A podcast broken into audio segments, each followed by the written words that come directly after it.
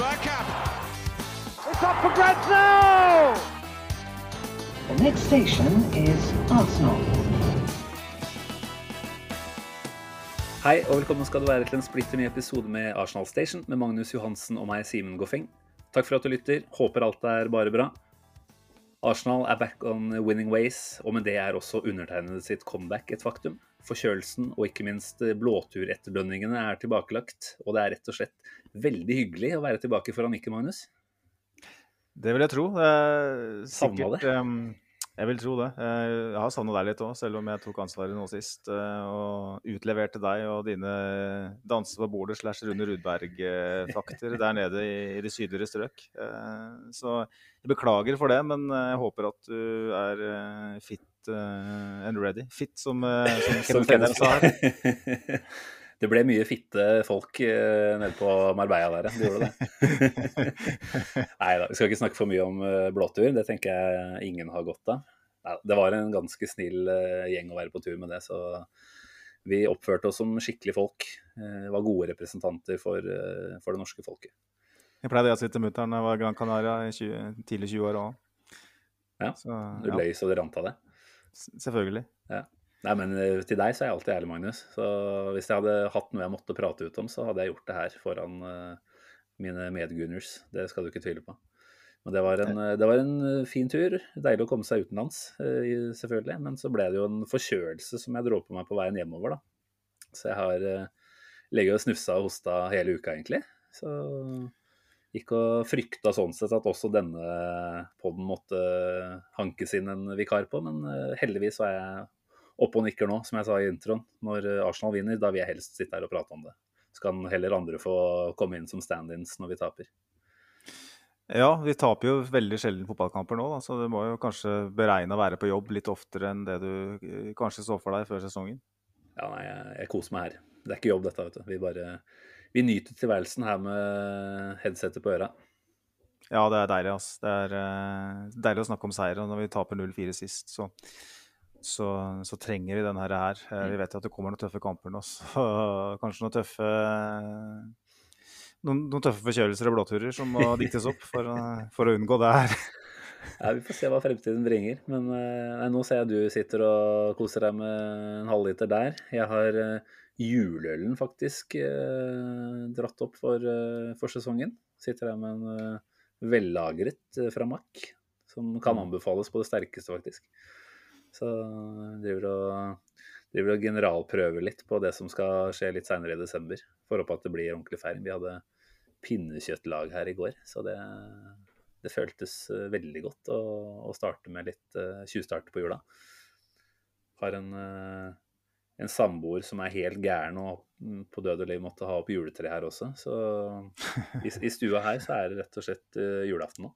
Ja, det er det, ja. ja vi, vi, vi har litt eh, julepynt i stua, vi òg. Men jeg klarte å legge ned veto på det, på det juletreet. Fordi jeg vokste opp med sånn lille julaftenpynting.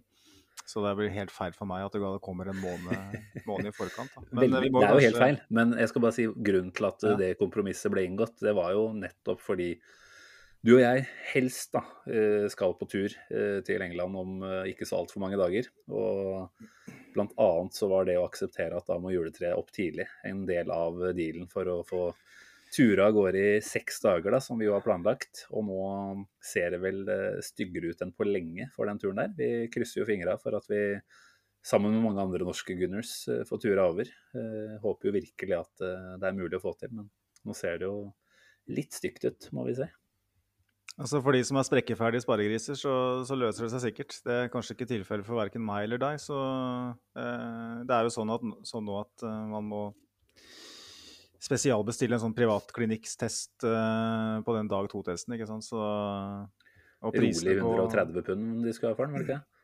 Ja, det forutsetter jo i tillegg at man kommer seg ned tidlig fredag, da, så man får tatt Mm. testen da. Eh, vi skal jo fly over på fredag kveld, så vi rekker ikke å ta testen på, på fredag. Eh, vi må ta på lørdags morgen, og da får vi ikke svar da før kvelden tidligst. da. Eh, den, kom, den dagen hvor Southampton-kampen er, så det, jeg så på sånn femtimers eh, svar, da.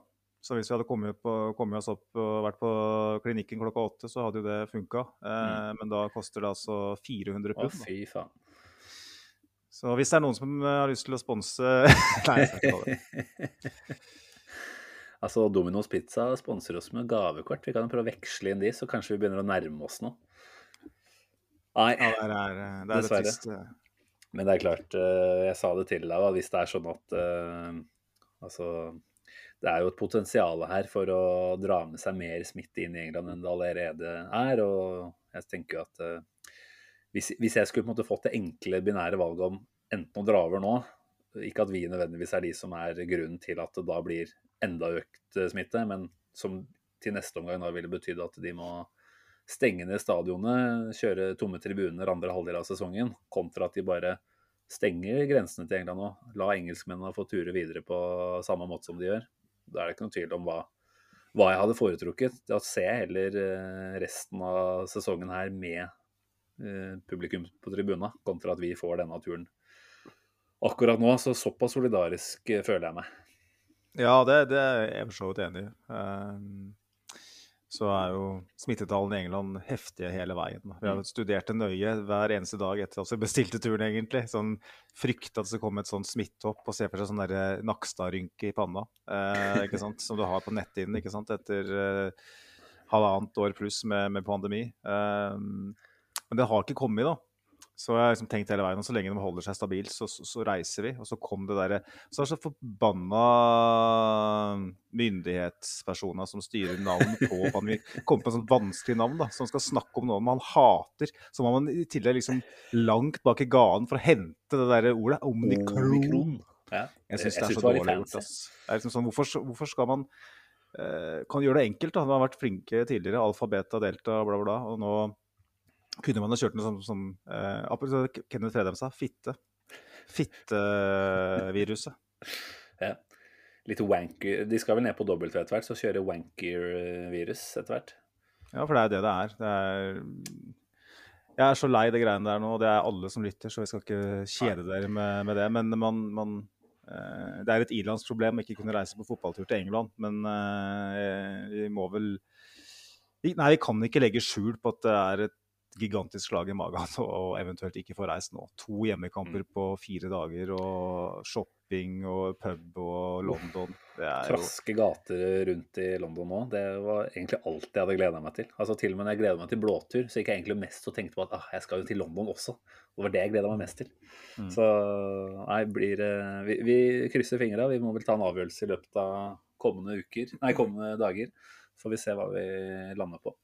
Hvis det er noen som eh, lytter til podden som uh, sitter inne med tanker rundt her, eller eventuelt har noe grensesprengende, groundbreaking greier uh, med tanke på å komme seg over, så, så, så shout out, tenker jeg da. Vi, vi, for å avslutte segmentet, så tenker jeg at det vi tenker nå, er å kanskje reise på fredag morgen, da, så vi får Mm. tatt den testen da. hvis det blir aktuelt. Eh, Koster jo bare Men, eh, 650 spenn å booke om noen flybilletter også. Det går så fint.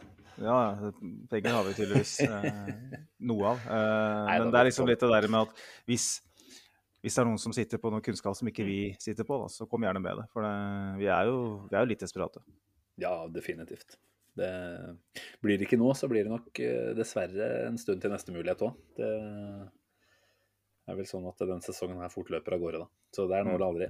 Vi, vi får smugle oss over i en eller annen båt eller noe. Terje Vigen. Ja, det var det jeg tenkte på. Nei, vi skal vel helst snakke litt fotball, Magnus. Det er vel derfor vi er her. Det er vel derfor lytterne er her òg. De er ikke her for å høre oss pjatte i vei om alt mulig ja, Det er for så vidt ikke irrelevant, det vi har vært innom nå, men eh, det er ikke det som er mest aktuelt, kanskje. Det er eh, for så vidt en deilig 2-0-seier mot Newcastle som vi skal dypdykke ned i i dag. Og en del eh, tanker om både kampen og også noen omstendigheter rundt noen av spillerne som eh, er ganske aktuelle å prate om. Fått inn en del spørsmål som eh, vi får komme tilbake til utover. Men, eh, men før vi gjør det, så må vi innom et lite punkt til, og det er jo å nevne samarbeidet vårt med norske supportklubben, Arsenal Norway, som vi nå har hatt gående i noen ukers tid. Vi får jo ypperlig promotering på gunners.no bl.a., hjemmesida. Hvor jeg ofte er innom og titter gjennom kampreferater. og vet, du, du er vel innom der tidvis og er med i noen forumdiskusjoner og sånt også.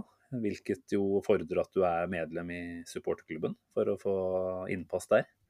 Det er jo bare én av flere gode ting og gode grunner til å være medlem? Du kan jo ramse de opp i fleng. Det er mange, mange ting.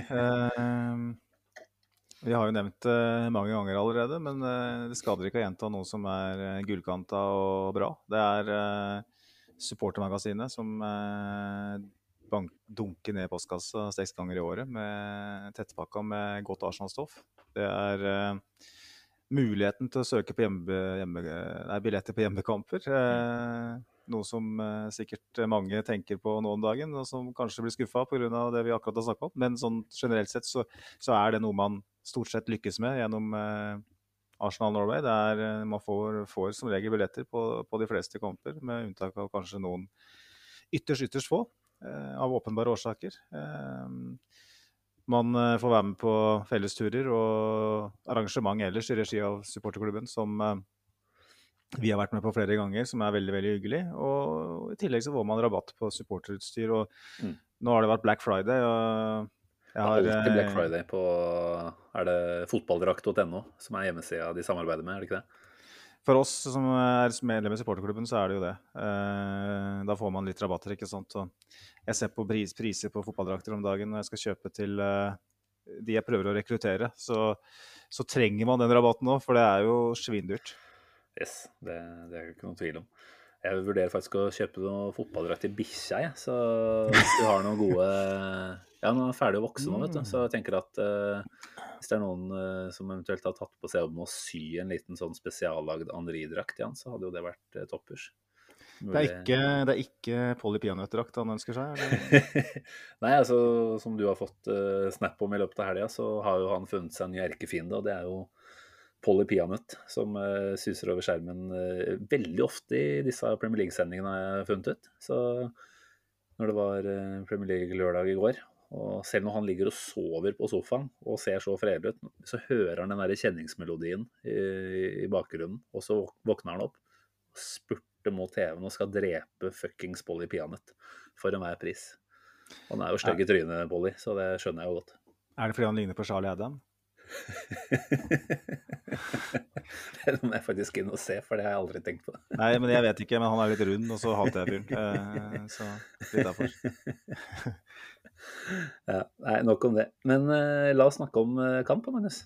Det, på tide. Nå har vi brukt et kvarter på Jeg tenker det er på høy tid å begynne å snakke litt om uh, det som skjedde på Emirates på lørdag formiddag. Nok en tidligkamp. Uh, sånn sett alltid viktig å komme godt i gang og kunne slappe av resten av helga. Uh, det fikk vi jo anledning til, selv om det var relativt eh, avslappa det som skjedde på gresset her de første 45. Eh, de utkårede til Arteta dro jo ikke på med festfotball fra start, og det var, det var litt sånn sirupsfotball. Selvfølgelig et Newcastle som med ny trener på sidelinja for første gang, som uh, skulle gjøre det vanskelig. Det var jo hovedmålet deres, det var det ikke noe tvil om. Og potensielt kunne kontre inn. Og der syns jeg Arsenal var flinke til å ha kontroll, da. Så det er jo et stort pluss i margen. Når du ser den oppstillinga til Newcastle, så frykter du kontringsstyrken. Mm. Og at man har såpass god kontroll gjennom hele kampen, egentlig, da. tenker jeg er det er en ting å ta med seg. Selv om første gang kanskje da måtte lide litt for mye, da, med tanke på det vi fikk se. Det var, eh, Jeg vet ikke hva du tenker. Nå var det jo en Ødegård tilbake, det er jo verdt å nevne. Det var jo en eh, både Zambi og Nuno Tavares fra start, som begge hadde ganske horrible opptredener på Banfield. Uh, Arteta sa vel for så vidt noe om det før kampen, at han, uh, særlig når de snakka om Nuno, da, uh, poengterte at han gjemmer seg ikke. Han står fram og jeg syns virkelig Tavares tok han på ordet da, da i den, den, kampen her. For snakk om å være senter for begivenheten gjennom egentlig samfulle 90 minutter. På godt og vondt, for så vidt.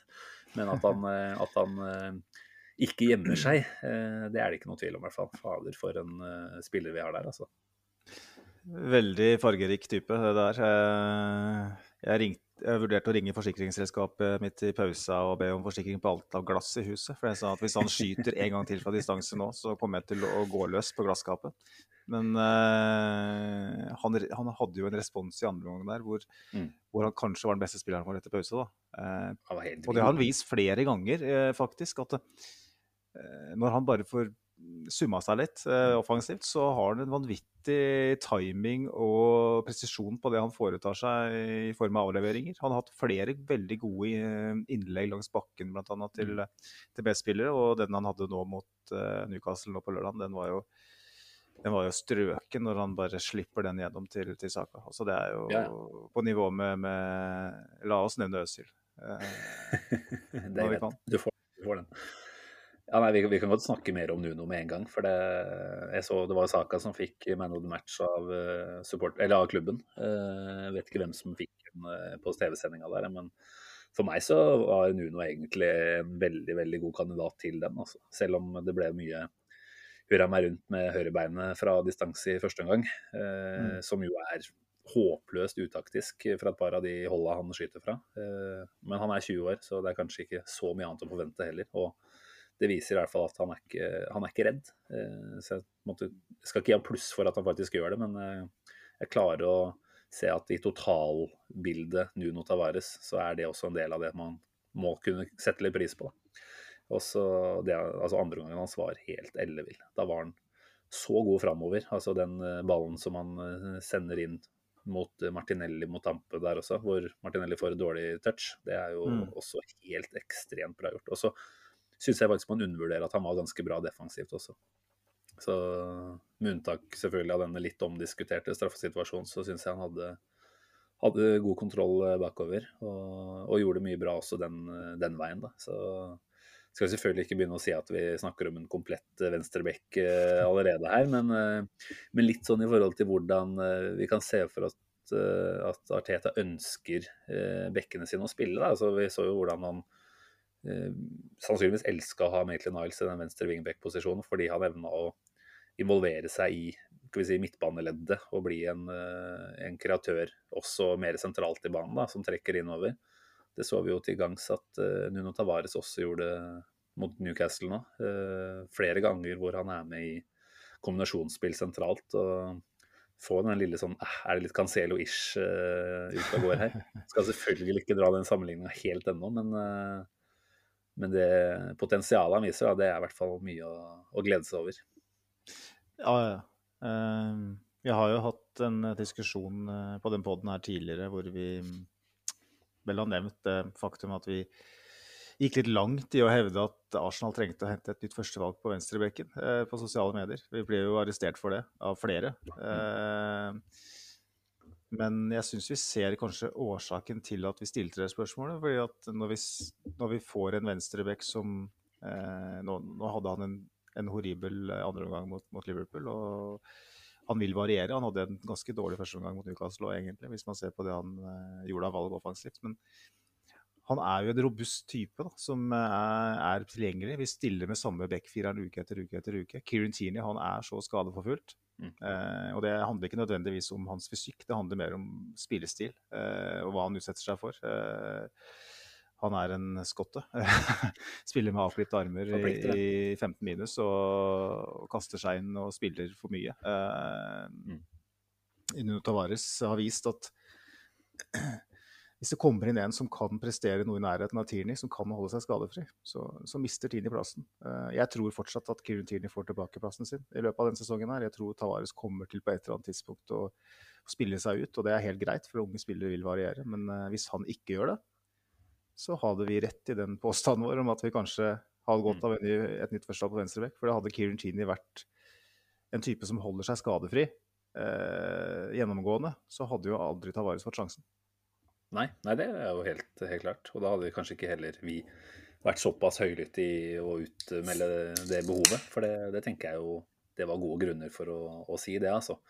Eh, nå, nå tror jeg jo fortsatt, som du sier, at eh, Tierney har han har en vei tilbake i det laget her, eh, definitivt. Og det kommer et tett eh, kampprogram, så det vil nok eh, variere. Og kanskje allerede på torsdag mot United er en kamp hvor man tenker at altså ja, Tavares han lærer sikkert, men vi så at det ble en heftig opplevelse og atmosfære på Anfield som han ikke klarte å holde helt eh, under kontroll. Da. Og det kan hende at en Tierney kanskje allerede der kommer tilbake. Vi kan jo snakke mer om United-kampen eh, litt på, på slutten av den episoden her. Eh, Nei, men eh, det er mye positivt, og, og tenker først og fremst at Arteta gjør et klokt valg, da. Som uh, på en måte erkjenner at uh, begge to, både Zambi og Nuno, hadde tøffe opplevelser på Anfield. Men som alle fotballspillere sier, det beste man kan få da, det er å få en ny kamp så fort som mulig. Få den ut av systemet, og så faktisk uh, rett og slett motbevise kritikerne litt. Og det, det gjør Nuno Tavares, og det syns jeg også definitivt at Zambi gjør, da. Ute på banen i første omgang der, så etterlyste jeg gang på gang eh, Thomas Party. Hvor er du? Jeg syns han gikk inn i pasningsskygge gang etter gang. Det var sikkert sånn fire-fem ganger hvor jeg bare sa gå to meter til sida, så står du i vinkel til å få den pasningen så mye oftere. Men mm. uh, du følte liksom at uh, han gjemte seg, da, rett og slett. Og der uh, gjorde definitivt ikke Zambi det samme. hadde et point to prove etter Anfield, han også. Og varte jo opp med mye bra, egentlig kampen igjennom. skaper mm. Klart flest sjanser for medspillerne i løpet av kampen. Den pasninga til Saka som han har tidlig, eh, den er jo helt ellevill, faktisk. Skårer eh, Saka på den, så sitter vi vel her og drar den til den pasninga i, i timer etterpå. Så nei, jeg syns det er veldig kult at to av de unggutta der som da har en så tøff opplevelse, får muligheten til å revansjere seg og faktisk gjør det. Du og Andreas hadde jo en lang partyprat i forrige episode, så vi trenger ikke å ta for mye om det nå. Men må jo bare si at uh, han også, da, som hadde en svak opptreden på Anfield, uh, skuffer nok en gang uh, ved å ikke virkelig ta ansvar og ja, motbevise det han helt åpenbart må ha ja, oppfatta som en del av kritikk. Da. Så skuffende fra hans side. Men da gikk det greit nå, fordi han hadde en midtbanemakker som som gjorde mye rett. Nå så ikke jeg uh, tallene etter den kampen her for så vidt, så det kan hende at Party har en helt grei pasningsprosent, det vet jeg ikke. Men uh, mitt inntrykk som jeg sitter igjen med, var i hvert fall at han, han uh, var ofte, i hvert fall særlig første gangen, mye, mye bortgjemt. Og mm. bidro ikke med det man gjerne skulle håpe at han kunne.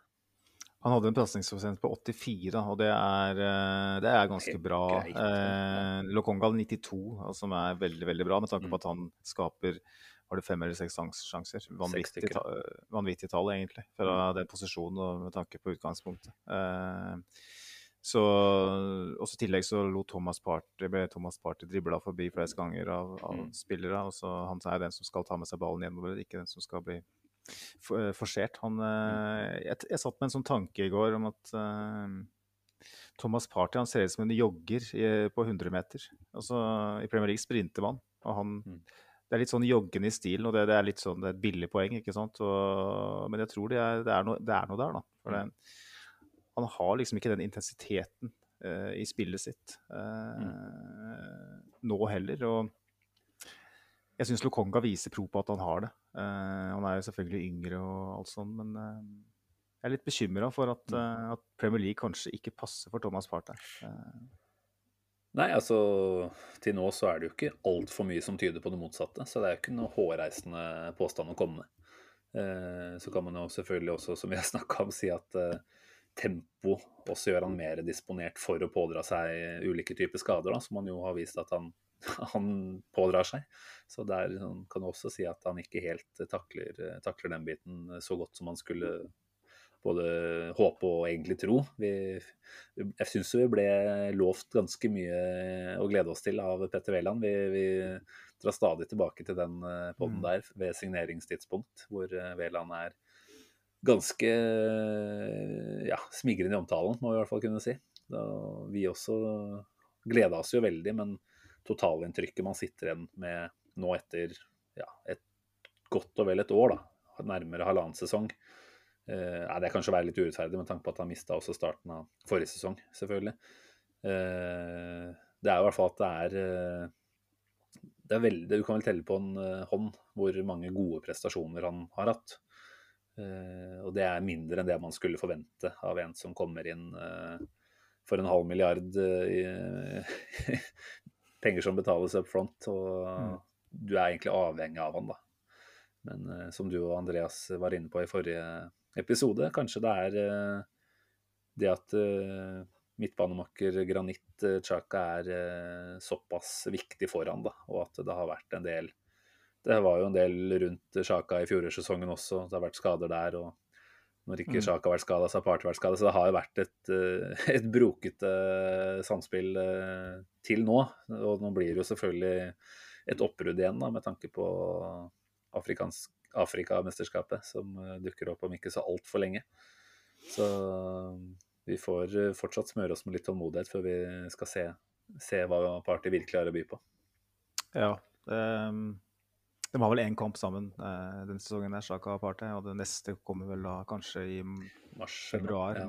hvis vi er heldige. Så det er litt det som vi snakka om, jeg og Andreas, at, uh, at Partey er kanskje ikke den som skal være sjef. Han trenger en, en sjef ved siden av seg. Mm. Han, uh, og det, det er jo noe vi er vant til å se med stjerner vi henter inn i Arsenal. At uh, ikke alltid vi henter de rette personlighetene. Jeg, jeg, jeg, det er ikke det at jeg tror Thomas Partey ikke var en, en gjennomtenkt signering eller noe sånt. Eh, Jeg tror han hadde mye av det vi trengte på det tidspunktet, og jeg tror fortsatt han kommer til å bli en, en bra spiller. Eh, Det, det jeg sier om at, jeg, at han ikke passer Premier League, det er, det er først og fremst en bekymring. Det er ikke det at jeg tror det, men jeg begynner liksom å få Mm. visse tanker om det. Da. Så bare for, å, bare for å legge meg på en viss linje her. Ja, nå syns jeg jo ikke vi skal være altfor downbeat etter eh, tre poeng og clean sheet og fine mål. og Det var jo egentlig mye å rope hurra for eh, mot Newcastle, så kanskje vi heller skal spole over igjen på det som var eh, positivt. Gjerne. Vi jeg trenger det. Kanskje, Vi nevnte jo Ødegård så vidt her. jeg synes jo Med tanke på at vi er en norsk podcast, så må vi jo ha vårt lille eh, Ødegaard-hjørne, som seg hør og bør. Eh, hva syns du om hans prestasjon? Nå ville du være gå over til noe mer positivt. Eh, Jeg er ikke sånn kjempepositiv til det Martin Ødegaard viser i den kampen her. Eh, Jeg tar, jeg tar med i beregningen at han ikke har starta en kamp for oss på en ganske god stund. Eh, Og trenger litt rytme. Vi har jo etter hvert blitt kjent med en Martin Ødegaard som trenger en del kamper for å komme skikkelig i grooven. Det, Mm. det var jo Kenneth Fredheim inne på, at han kanskje av og til trenger for mange kamper. Fordi at eh, man må regne med at det er noen stopp og start eh, i løpet av en sesong. Eh, Jeg syns han viser tegn på hvem han er. Altså, han har bl.a. noen eh, situasjoner hvor han tar imot, tar imot ball feilvendt og bare drar av mann Mm. og, og sender ballen eh, godt vekta inn i neste fase. Det er litt det han skal være. Jeg tror ikke vi skal forvente at han skal være den endeproduktmaskina som vi kanskje håper på sikt. Mm. Eh, han er ikke, der, ikke i nærheten av å være det per nå, eh, men han gjør veldig mye bra i fasen i forkant. Den Mm. tredje siste pasningen. Det er jo der Martin Øde- Ødegaard er. Men jeg Ja. syns han igjen velger for trygt, altså. Det var en, en situasjon i Da leda vi vel 2-0, da. Det skal sies. Men vi hadde en, en, en overgang hvor, uh, hvor Ødegaard var rettvendt. Uh, kunne ha kunne gått for det sjøl. Han kunne ha trilla ut til venstre. Jeg husker ikke helt- hvem som var der. Men han slår ballen litt sånn nesten litt tilbake til uh, Jeg husker ikke hvem det var. Med Tommy Aser, ja. Eh, Mm. Og det var sånn eh, Hvorfor? Hvorfor når vi har eh, Og det, det er litt sånn symptomatisk for han, da. At han ikke da prøver på det mer avanserte. For han har jo Mm. teknikken, han har ferdighetene. Jeg syns det, det, det preger spillet hans, da. At han ikke velger ambisiøst nok. eh, Og jeg syns liksom hjemme mot Newcastle har du råd til å være litt ambisiøs, altså. Eh, Så jeg er litt skuffa, faktisk. Jeg syns han gjør mye bra. Han er viktig. Jeg syns han kommer inn og gjør en god jobb, en solid jobb. Men jeg vil at Martin Ødegaard skal være noe mer enn bare solid. Det, det er jeg enig i. Og jeg er for så vidt enig at man eh, kan ikke si at dette her var alt man kunne ønske seg. Eh, Men jeg tenker jo dette poenget med at han trenger litt grann tid, da, det, det kan vi like eller ikke like, men jeg tror det er, det er et legit poeng. da. Han trenger å spille seg litt varm i trøya. Da. Jeg syns at han, til tross for at han ikke kanskje er helt tungen på vektskåla i konkrete situasjoner, så, så er han eh, villig å vise seg i, i langt større grad enn f.eks. Party, som jeg nevner i stad. Jeg syns han er Mm. veldig til stede. og peker og dirigerer, og han, han har mye personlighet ute på matta der. Da. Så selvfølgelig også tenker jeg at han kunne ha dratt på med enda mer Han hadde jo i hvert fall én pasning hvor han prøvde å nå fram til Aubameyang tidlig i første omgang der. Hvor han for så vidt kanskje valgte feil og burde ha spilt ut til venstre. Men det, der syns jeg at OK, fint, du prøvde. Det er helt fint, det. Fordi sitter den pasninga der, så er Abba alene clean through, liksom. Så Mm. eh, ja, nei, mitt uh, inntrykk var egentlig at jeg var ganske godt fornøyd med han. Uh, kanskje igjen fordi eh, forventningene var tona bitte lite grann ned, rett og slett fordi dette var første kamp fra start på en stund. Eh, han har jo hatt innhopp, og sånn sett kan man jo forvente at han skulle være ganske varm og klar til å ta en kamp fra start, men eh, men jeg tror han på en måte må, må få godfølelsen. Da. Og den tror jeg han kom litt nærmere etter den kampen her. Mm. Så jeg velger å være positiv. Og så er jeg positiv til at han starta i det hele tatt, at Arteta velger det, og ikke fortsetter med denne litt merkelige varianten vi har sett nå i noen kamper. Så kan man selvfølgelig si at den eneste grunnen til at han ikke har fortsatt med det, var at vi tapte mot Liverpool, men jeg tror ikke det var så enkelt. Jeg tror at man så at hvis vi skulle klare å Altså, vi holdt jo veldig god kontroll eh, på ballen. Eh, og det er jo kanskje mye av det vi har etterlyst også, da. At vi faktisk kan kontrollere disse oppgjørene her.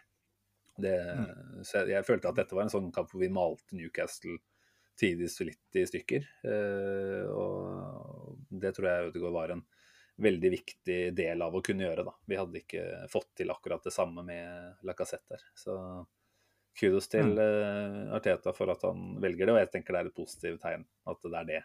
det, er, det, er, sånn han egentlig ønsker at vi skal uh, stille, det er jeg ganske sikker på. Så jeg tror vi ikke nødvendigvis ser en slags sånn der spissdue-variant uh, i aller nærmeste framtid igjen. Nei, og det er noe som vi snakka litt om i forrige episode, når du ikke var med, at at Arteta har vært litt sånn at når han har snubla litt over en eller annen formel som funker, så, så, så, bruker han den helt til den ikke funker i det hele tatt. Uh, nå føler jeg han kanskje kan være litt mer i forkant da, og gå mm. tilbake til Nødegård, for det er jo det som er, som du sier, er planen. Og jeg, som, du, som, du, er inne på, det, det her er jo et matchforløp som som vi er nødt til å takle på den måten her. fordi at uh, hvis vi skal være et topplag i Premier League på sikt, så, så er det den type matchbilder vi kommer til å se på Emirates uh, nesten hver eneste gang. Vi har jo etter hvert sett et Arsenal som blir tatt litt på senga av motstandere som faktisk våger, for at den fair-faktoren er borte ikke sant, på Emirates har vært. Og de kampene mot Villa, Tottenham, du kan jo ta med Leicester borte òg, for så vidt. Det, liksom, går rett i strupen på oss. Og det passer oss godt, da. For da blir det litt sånn kaosball, uh, og vi er gode i omstilling offensivt. Uh, men problemet vårt, spesielt hvis vi går et år tilbake i tid, er jo det når, når, motstanderen er litt mer organisert og ligger litt med flere mann bak ball i, i to blokker. ikke sant? Da, da Arsenal under realiteten har hatt enorme problemer med å spille av det. Og det har handla litt om tålmodighet òg. Og i første omgang så syns jeg vi er altså, Du kan jo godt si at vi er tålmodige, men vi er litt utålmodige òg når vi skyter fra 25 meter flere ganger, spesielt på sidebekka våre. Eh, hvor ofte, altså, hva er sjansen for at du treffer på de der, da? Det er, det er så marginalt, og da er jeg enig med Wenger.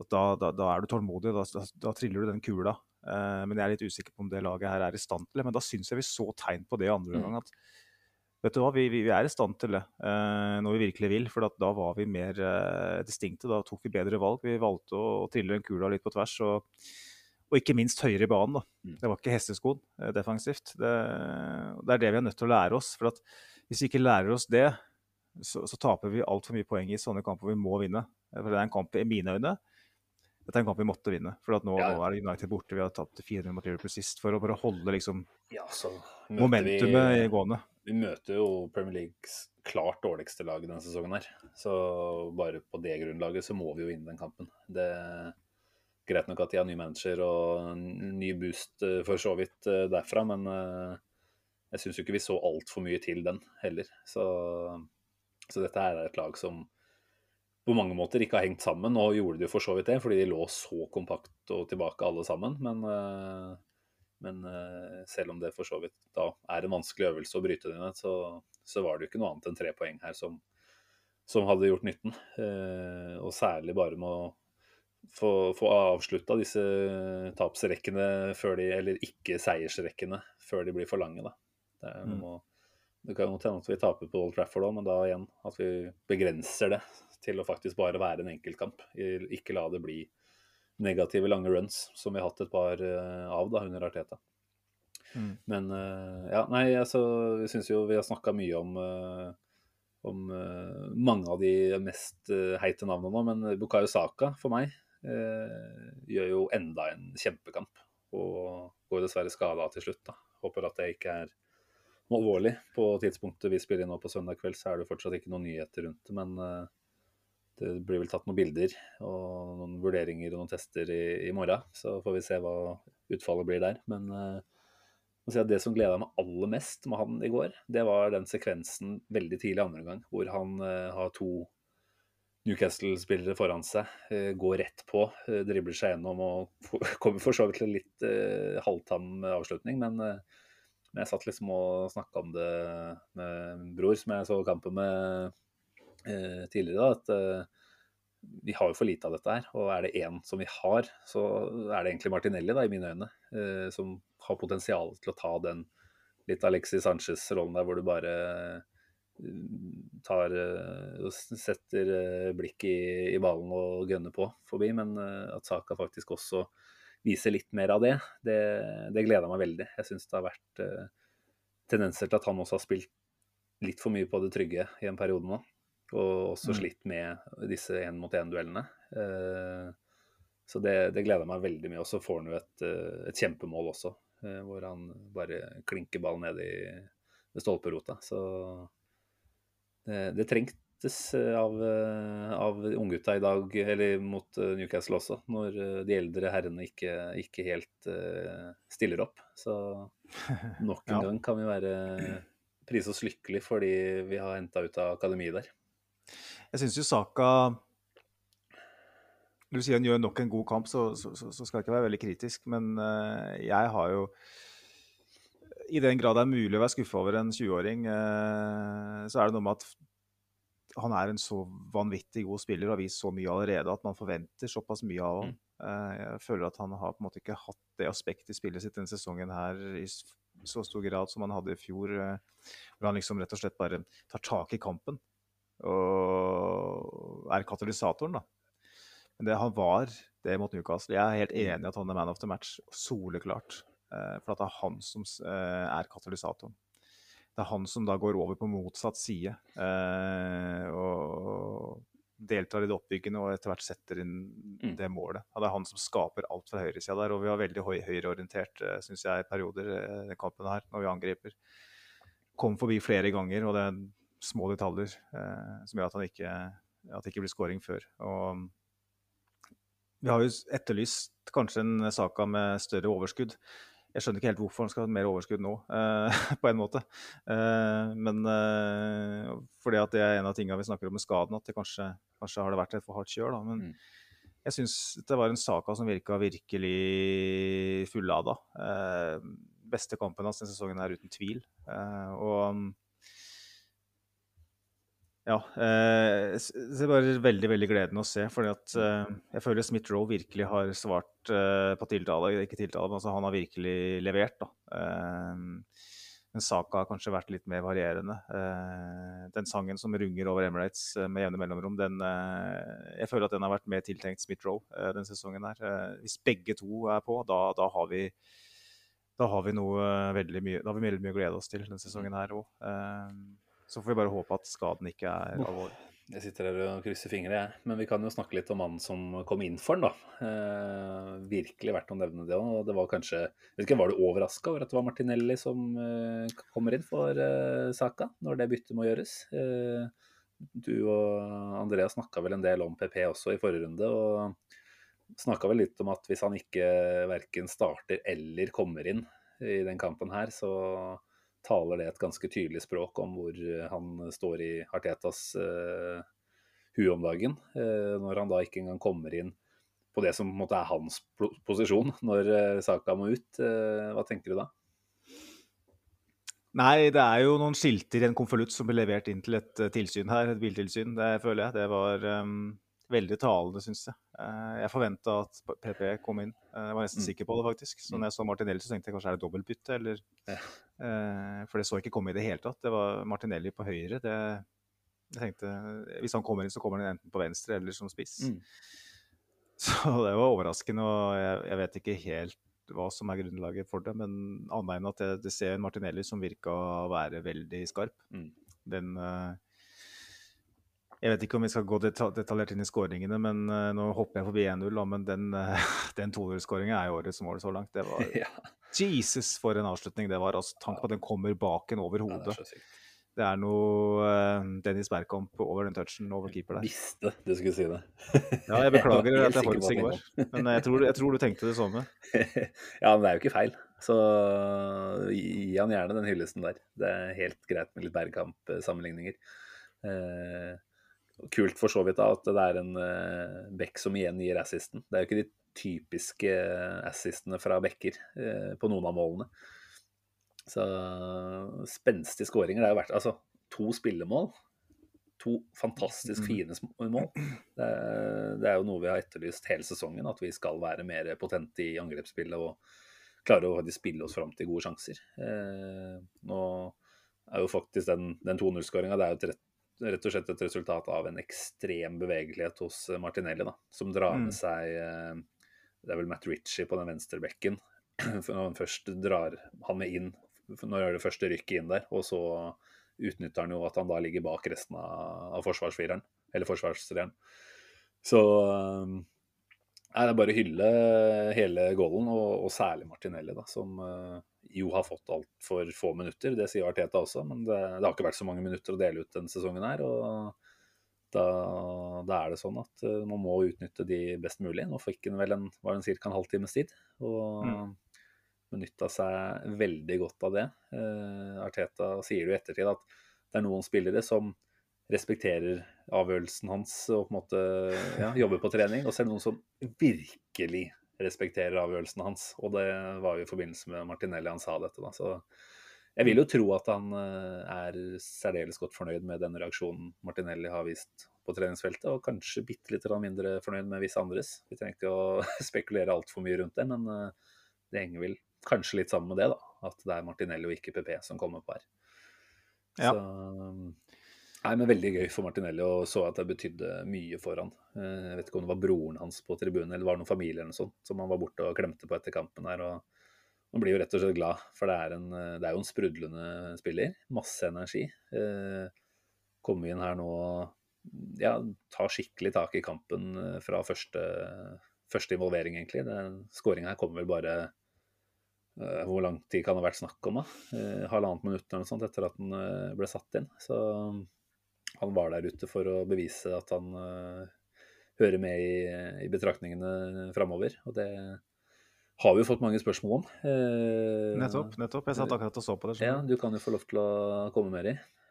Nei, Stian Børling, eh, vår faste kommentator, holdt på å si, han, han spør eh, hvorfor får ikke PP spille. Eh, Martinelli med en nydelig scoring, håper han får mer spilletid. Um, hvorfor får ikke PP spille? Og har vi kanskje delvis svart på det. Mm. Eh, spesielt i forrige episode. Det, er, det, det handler rett og slett om at han ikke har tatt vare på muligheten sin i det hele tatt. Eh, det handler jo ikke bare om det, gjør det det? Jeg er helt enig at han kunne gjort det mye bedre, men vi har vel også sagt at noen ganger så, så har jo Arteta hatt veldig mye kortere lunte tilsynelatende med PP enn med visse andre, da. Ja, ja, ja. Selvfølgelig. Tenker jo at eh, Med tanke på de målpoengene han produserte i fjor, så, så er det jo ingenting som skulle tilsi at han ikke kunne kommet inn i det laget her i hvert fall 20-30 minutter i de fleste kamper, og faktisk også produsert uh, assist eller scoring. Da. Så jeg syns det er en hard uh, avgjørelse å utelukke han helt. Jeg vet ikke når han var på sist. Ja. Det er kanskje ikke så lenge siden.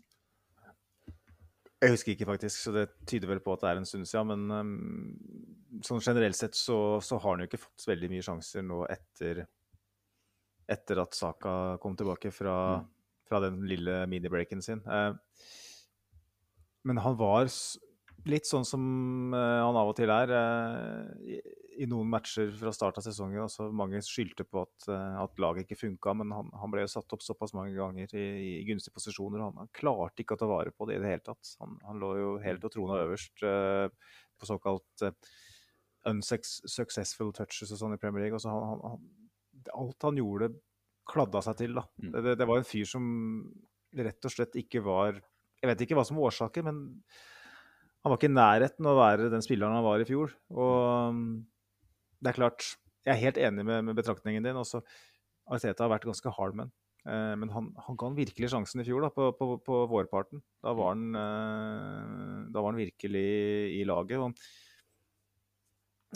Vi har jo ikke Europaliga nå, eller noe Euro Europacup i det hele tatt. Eh, kanskje var det grunnen til at han klarte å spille seg varm i fjor, det vet jeg Mm. ikke. Eh, men en spiller av PP, PPs kaliber må takle å, å bli satt ut av laget. Eh, og jeg, jeg vet ikke eh, hvem, hva, jeg- hva jeg skal si egentlig engang. For jeg bare Jeg deler litt Ariteta sin, eh, sin eh, hva skal jeg si, øks i den, i den sammenhengen her. Jeg, jeg var så skuffa over det han presterte fra starten av sesongen i år. at Det, det var sånn, vet du, det her det, det, det er ikke nærheten av å funke. Vi kan ikke ha en spiller som gjør så mye feil.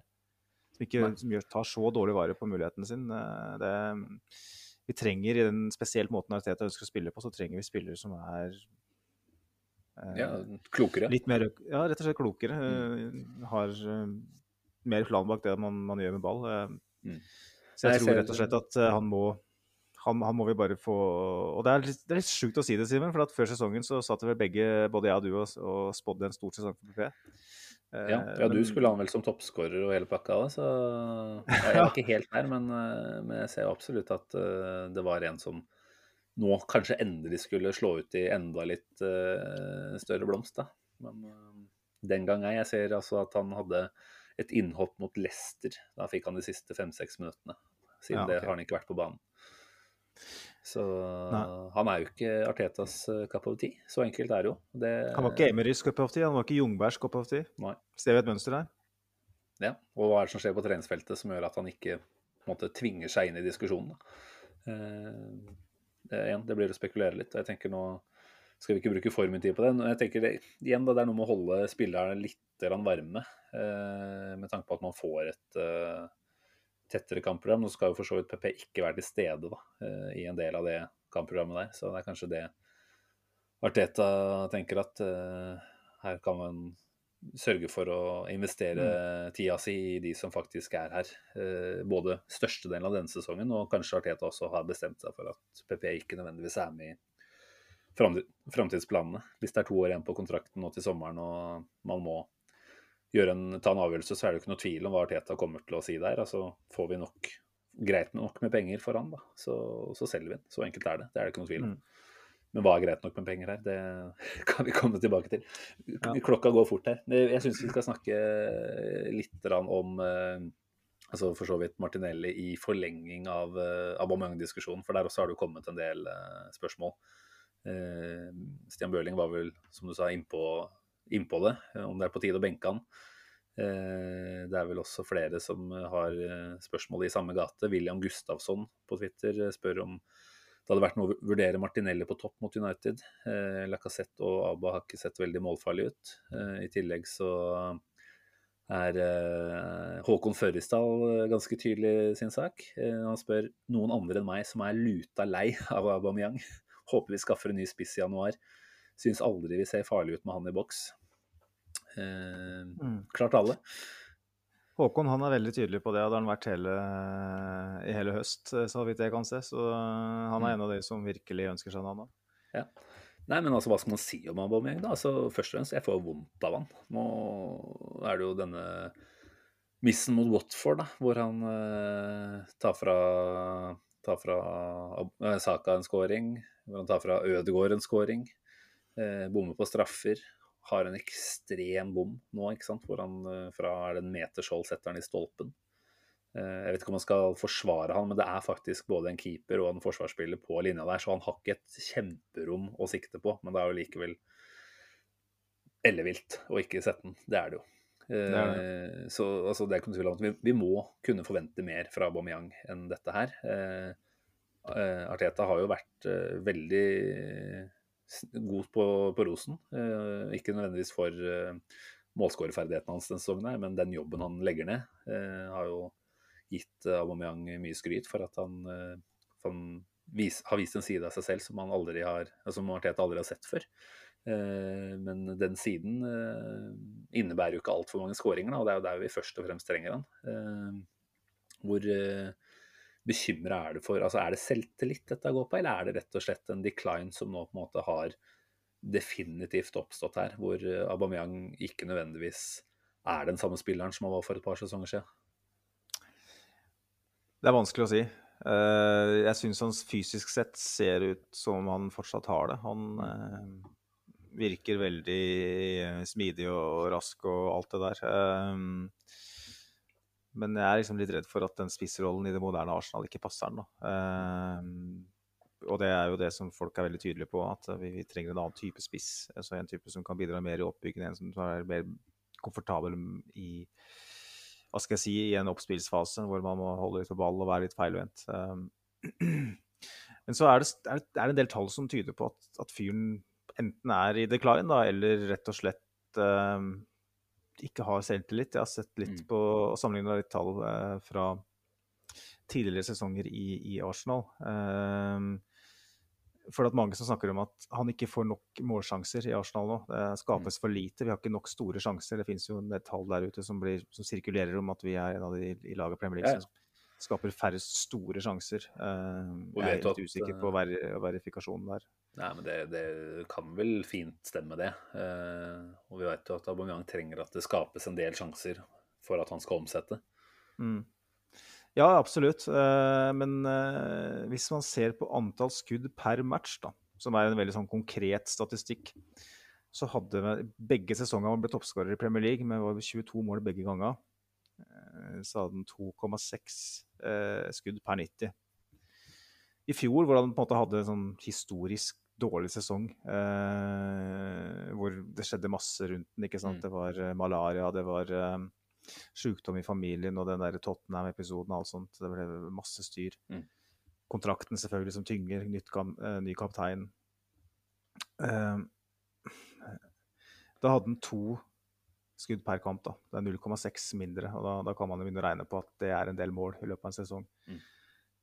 Men i år så har han gått opp igjen til 2,3. Det er midt imellom, da. Uh, så langt så har han 2,3 avslutning per match. Det er jo ganske brukbart, egentlig. Det er jo det er jo nærheten av det som var når han var eh, på sitt beste. Eh, selvfølgelig er det litt mindre, men det er, ikke, det er ikke, så betydelig. Men det som på en måte da slår meg aller mest her, i, i den, eh, den talldykket jeg gjorde, det var jo da Er det et godt norsk ord for det, Simen? Conversion rate? Omsetningsrate? ja, rett og slett. Altså hvor mange av skudda blir ender i scoring. Ja. Når han kom i 2017-18-sesongen altså Han kom jo da i januar 2018. Eh, og var i Arsenal da en snau halvsesong. Da hadde han 25,6 eh, eh, omsetningsrate. Mm. Det var best i Premier League. 1920 eh, Da var det toppskårer i Premier League. Altså, jeg kan si at han var best, hadde den beste det er omsetningsrate. Jeg liker ikke det ordet helt. Nei, men vi får bare bruke det. Best, sånn, det ikke verre. Omsetningsrate, det hørtes bedre ut. Hadde den beste omsetningsraten i Premier League iallfall eh, ganske lang tid, fram til eh, eh, Ja, vi kan ta det senere. Men altså 1920, da, sesongen. Da ble vel eh, toppskårer med 22 mål. Mm. Da hadde han 23,7 eh, det, er ganske, det, er, det er veldig, veldig bra. Det er veldig, veldig bra. Det er kun Jamie Vardy som var bedre i Premier League eh, av de angriperne med en betydelig antall kamper. Så kommer vi til eh, 19 Nei, til 2021-sesongen, altså fjorårssesongen. Den eh, historisk dårlige sesongen hans. Da hadde han 17,5. Det er en ganske betydelig nedgang ja, på sesongen før. Kjempedropp. Den sesongen her Hold deg fast. Ja. 11,8. Det var faktisk uh, litt for lavt. Det var det. Så... OK. Negativ fyr. Ja, ikke sant? Blåtur, vet du.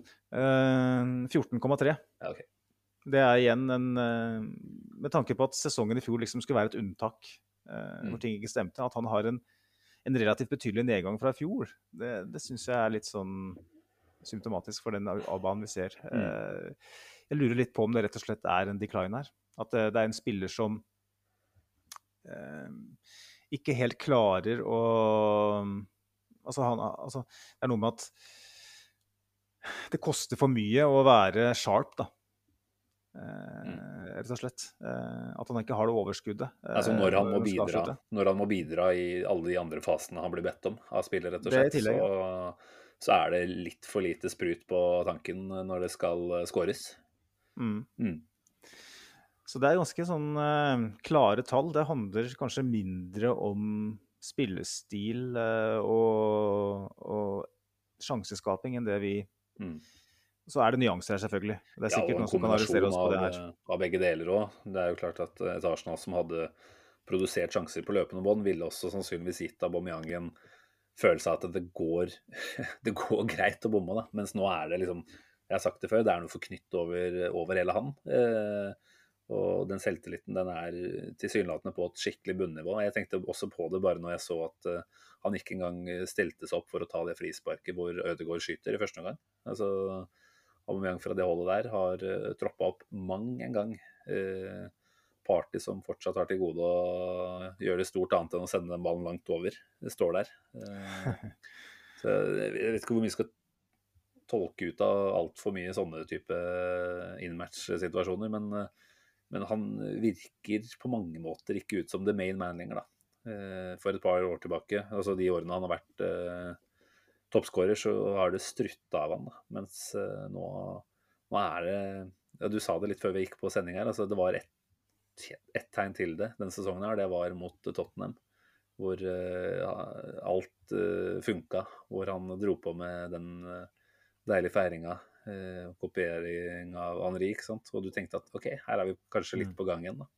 Så har han jo siden det omtrent ikke gjort annet enn å bomme på straffer, for så vidt sette inn en retur, og ødelegge for lagkamerater i flere situasjoner. Eh, Jeg tenker jo at eh, det er kjempesynd at den goalen mot Newcastle At den ikke kommer der, da. For da Det, det har vi sagt mange ganger i det siste før, at det er den han trenger for å komme i gang. Så har det jo kanskje vist at OK, det holdt ikke med bare den ene der. Eh, Nei.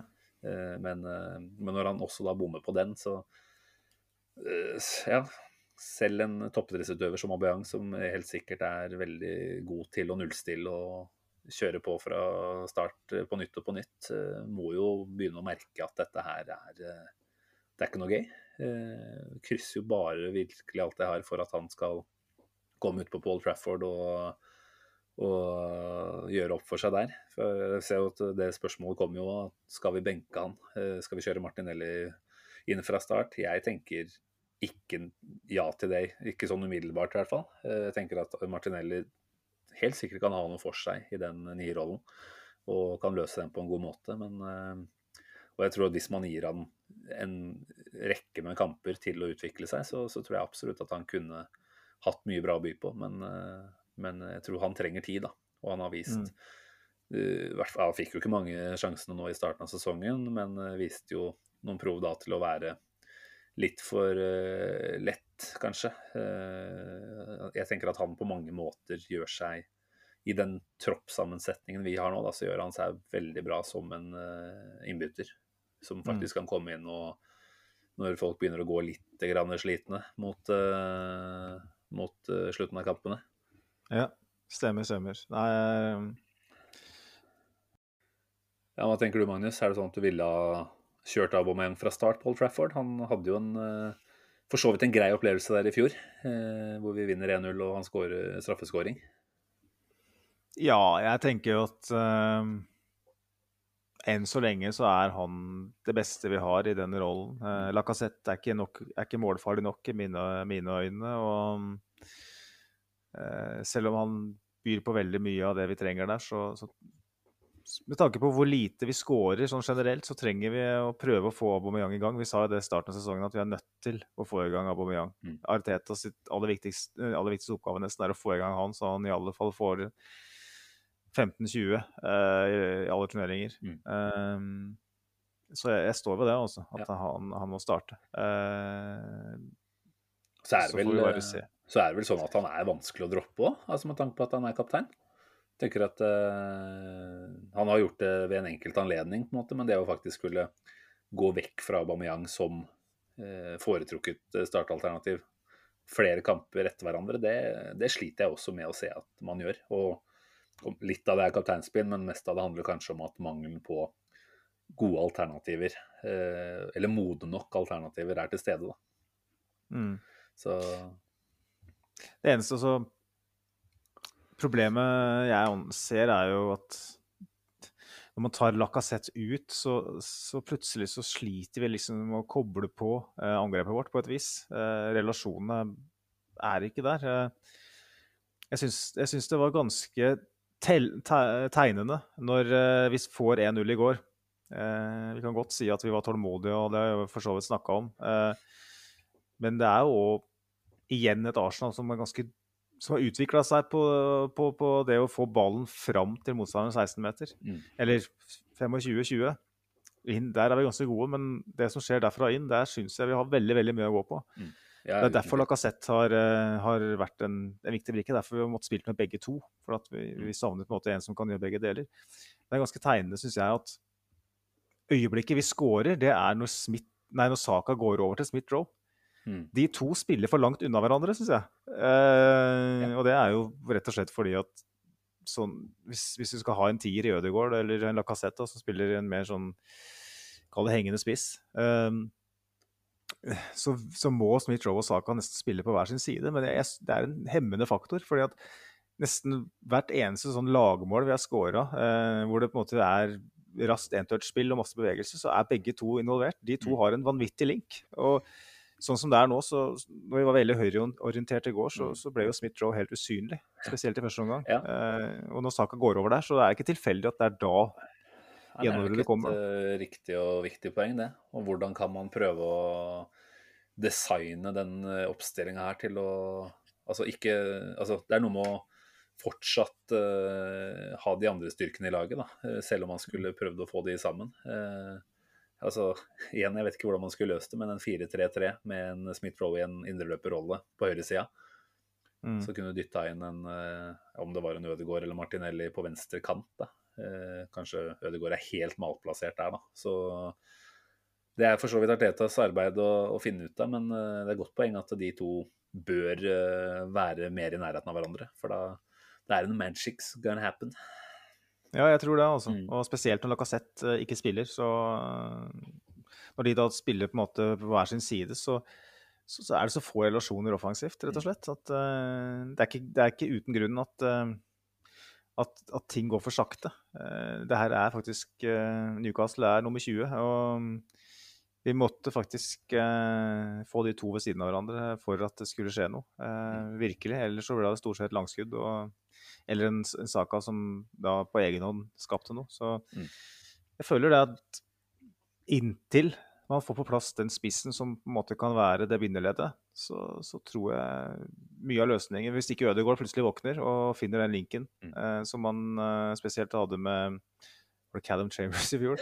Altså at han kan koble, kobles, koble seg på skikkelig i, i det småspillet, så tror jeg løsningen fort kan være kjøre Smith-Roe eh, sentralt, altså, Mm. og få inn en eh, Martinelli eller en PP. Eh, Mm. Ikke at jeg tror det skjer, men rett og slett igjen vrake Ødegaard, da, eh, dessverre, en del kamper, og så få inn Ødegaard, nei, få inn Smith-Roe sentralt, sånn at eh, Saka og, og Smith-Roe kommer nærme hverandre. Eh, spesielt i sånne typer kamper som, som man sliter med å bryte ned motstanderen. Mm.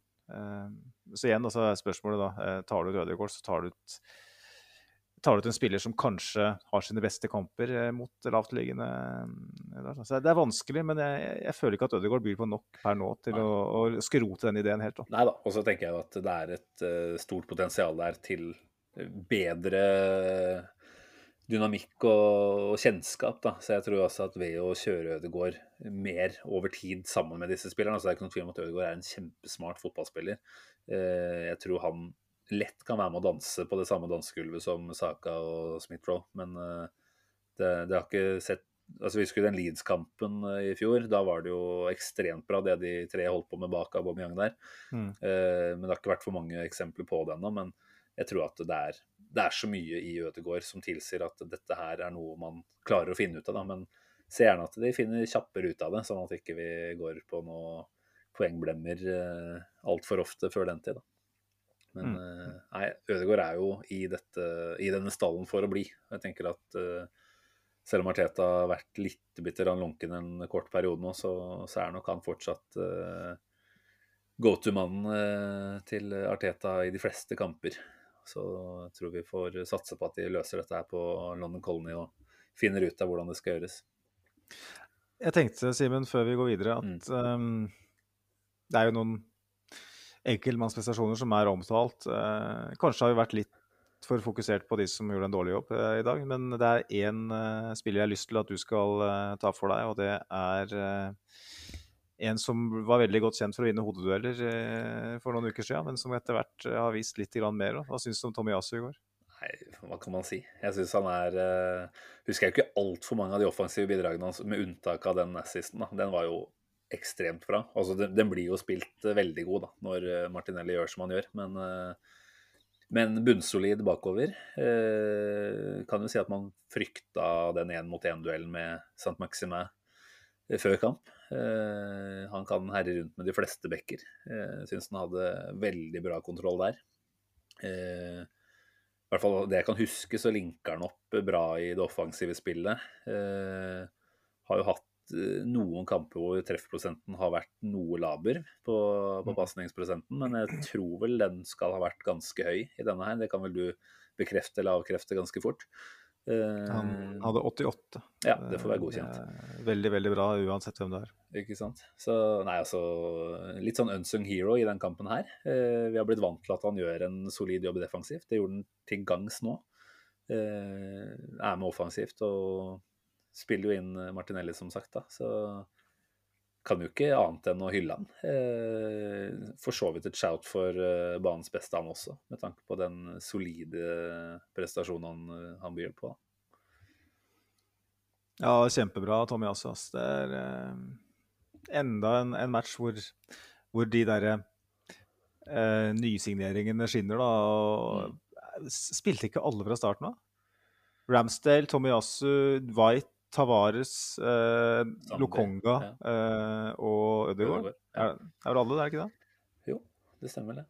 Så det, jeg vet ikke om det har skjedd før, men eh, det er jo eh, Altså, når, når vi snakker om det å, å bruke tid på å få spilt inn masse nye spillere Vi snakker om Wenger, som gjerne ikke vil hente så mange om gangen Mm. fordi at det var så komplisert å skulle skape noe eh, med så mange nye spillere. Eh, jeg syns det er helt rått, jeg, hvordan eh, den rekrutteringa av sommer har betalt seg. Når du ser Ramsdale og igjen Ja. uh, gjør, sørger for en YouTube-klassiker. Det er jo helt vanvittig hvordan, uh, hvordan den keeperen uh, hva, hva, Vi fikk en kommentar på, på Twitter. Hvem var det som skrev det til oss? Eh, jo, det var Jonas Lundsvold det, som skrev at eh, alle de som er så negative til Ramsdale, kan gå og legge seg. Men da blir det jævlig mange sengeliggende Arsenal-supportere i Norge. Da er det, vi er tross alt noen tusen, så da er det ganske mange som ikke kommer på jobb i morgen. Eh, For jeg tror alle uh, var eh, skeptiske til Ramsdale. Jeg tror ingen kan komme her uh, og si at den var positiv til den signeringa når, når han ble henta for den summen. Jeg, jeg, har aldri, jeg har ikke snakka med én en eneste Arsenal-supporter. Det, Det er riktig, det er riktig, men det er ingen som kunne se at han skulle være så god. Nei. Det er jo den typen han er, da. Og, altså, før, før han kom, så var det jo Arsenal-fansen som hita på han. Altså, fordi vi tenkte at faen i helvete, hva er det dette her er for noe? Altså, han fikk jo så mye pes på Twitter. Det er så skammelig at uh, en supporterskare begynner med den type oppførsel før han i det hele tatt har signert. Da. Uh, mens nå er det jo snudd på hodet. Nå er han jo kjæledeggen vår, og alle andre ha- hater på han. Altså, det syns jeg er det kule. da, at Altså, vi, vi har kanskje vært litt irrelevante for mange andre klubber en periode. Ikke hatt de store personlighetstypene og sånt, men Ramsdale tikker jo alle bokser. Han er god. Han er en fantastisk kul type. Eh, og disse TV-redningene som du snakker om, de har jo blitt en gimmick nå. Nå ser du jo folk på Twitter og altså, eksperter og sånt snakker jo om at eh, han- han gjør mye ut av seg. Og noen har tydeligvis store problemer med det, men jeg tenker jo at det er bare så rått da, at han, eh, han drar på og spiller ut hele registeret sitt. Så blir det litt villbass uh, i noen tilfeller, og noen redninger ser kanskje litt mer ekstreme ut enn de egentlig er. Men uh, nei, jeg syns han er så jævlig kul. Og det er, uh, det er mye kjærlighet for den mannen her nå. Så er det, Arsenal har gjort den ganske smart denne sesongen her. da, og bruker den litt ikoniske gule bortedrakta som Ja. keeperdrakt ved hjemmekamp. For at, da er det så mange som kommer til å kjøpe seg Ramsdale-drakt. fordi at det er noe med at Jeg har aldri kjøpt meg keeperdrakt, for jeg føler at det blir litt sånn feil å gå rundt med keeperdrakt på puben og sånn. Jeg vet ikke hvordan andre føler det, men det er liksom det et eller annet med den. Den er ofte litt mer sånn Altså, hvis det er skulderputer og innebygd skumgummi og sånn her og der, ja, så, så tenker jeg at det er gode grunner for å ikke kjøpe keeperdrakt. Men den gule der med Ramsdale, den, den står fort på ønskelista, den altså. Jeg har faktisk Ja. tenkt tanken, jeg også. Når vi skal til England Nei, Jinxa du det nå, eller? Ja. Vi skal jo ikke til England, vi. Dessverre. Det blir ikke noe tur. Hvis, men hvis- vi skal til England, da, så kanskje vi skal kjøpe oss Ramsay? Det, det kan jeg fort Skal vi stå der da med Kanskje vi skal skrive Ramsdale på magen vår og, og flashe opp og sånt. Ja, Det her må vi finne ut av. Mm. Nei. Nei, men uh, kult at uh, Altså, jeg bryr meg ikke veldig om at Arsenal på en måte er uh, relevant i andre supporterskarers øyne, da. Men jeg syns det er kult at det har blitt en snakkis nå, da, som vi var på tur forrige helg her. ikke sant? Alle sitter og bare Fy faen, så fet fyr han er, liksom. Og sitter bare og har lættis av det hele kampen gjennom, nesten. Så det er, det er noe å like. Han har, han, han, han, det er veldig mange keepere, store keepere som har veldig mye personlighet. Jeg tror kanskje de best, aller beste keepere gjerne må ha det. Eh, kan, med unntak, selvfølgelig. Men det Ramsdale har, som jeg ikke kan huske noe særlig at andre sånne keepere med samme personlighetstrekk har, at han er jo Han kunne jo vært standup-komiker òg. Altså, han er så kjapp i replikken. Ja, Jeg så et sånt uh, trekvarters innslag om han var på en sånn golfbane med noen sånne influensere. Uh, hvor han ble stilt spørsmål på rekke og rad, ikke sant. Uh, mellom høla, uh, som det heter. Eh, så det er utrolig hvor kjapp han er på replikken. Mm. Det, er helt rått å høre på. Han er en sånn type som man, man, man bare koser seg med når, når man er i en sånn litt sånn uformell eh, situasjon. Og det, det tror jeg Arsenal trenger òg. Eh, å ha noen man virkelig blir glad i på den måten. Det tror jeg er veldig fint, for at det er noe med den connection du får med fansen. og hatt litt for mange av de som har kjørt eh, Som har vært eh, har fri til fansen på feil eh, grunnlag, på et vis. Eh, med sånne enkle, billige, eh, forseggjorte eh, sosiale medieposter og sånn. Eh, og en av mine favoritter, Mesut Özil, var jo ekspert på det. Eh, og mm, det kom, ble litt feil, eh, faktisk, etter hvert. Og Ramsdale, han Jeg tror liksom det skal veldig mye til at han, uansett hva som skjer, så føler jeg at han klarer, kommer, kommer til å snakke seg ut av en, en dårlig standing i Arsenal. Da. Jeg tror er ut umulig, det visste det. ikke fyren. Ja. Nettopp. Ja, nei, han er, han er. Jeg har ikke sett hele det klippet hvor han trasker rundt på golfbanen der. Jeg har bare sett noen små snutter. Så det skal jeg faktisk eh, Jeg skal bruke de tre kvarterene du sier at det tar. Det tenker jeg er time well spent. Det er det. Og hvis vi ikke skal til England, så har du den tida. da. ja, fy faen, jeg kommer til å grave meg ned med masse Arsenal-tull der de dagene der. Nei, men det er bra. Vi har snakka mye nå. Eh, Siste lille poeng jeg har bare lyst til å nevne, som for så vidt ikke er så viktig ennå, men hjemmeformen begynner jo å se ganske ålreit ut. Eh, med unntak av Chelsea-kampen så har vi fem seier og en uavgjort. Eh, bare regna kjapt ut poengsnittet vårt på hjemmebane i fjor. Det var ganske begredelig, som ikke er overraskende. Det var på 1,47 eh, i løpet av 19 kamper der. Så langt eh, disse syv bare da, hjemmekampene, spilt en tredjedel, eh, litt over, så har vi 2,29 eh, poeng hjemme. Mm.